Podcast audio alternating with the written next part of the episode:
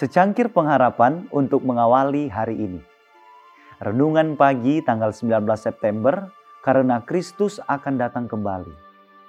Pada waktu Yesus mengendarai seekor keledai dengan kemenangan memasuki kota Yerusalem, para pengikutnya percaya bahwa ia sudah mau menduduki takhta Daud dan membebaskan orang-orang Israel dari penindas-penindasnya.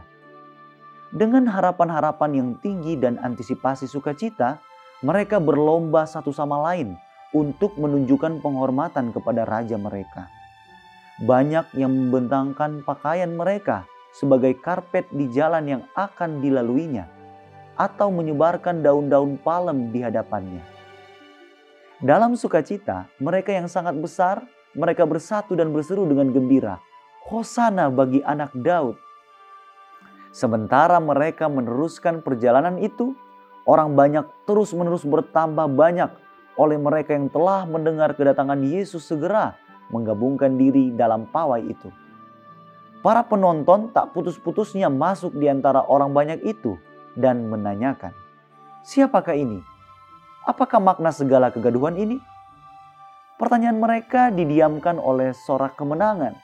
Berkali-kali sorak kemenangan itu diulangi, orang banyak yang penuh kerinduan Sorak itu disambut orang banyak dari jauh dan digemakan dari bukit-bukit dan lembah-lembah di sekelilingnya.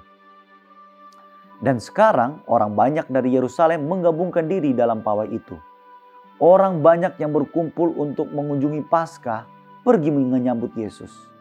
Mereka menghormati dia dengan melambaikan cabang-cabang pohon kurma dan menyanyikan nyanyian suci. Doa kita hari ini. Ya Tuhan, kami memohon bantulah kami untuk dapat menghormati dan memuji Engkau melalui percakapan yang kami lakukan di sepanjang hari ini. Amin.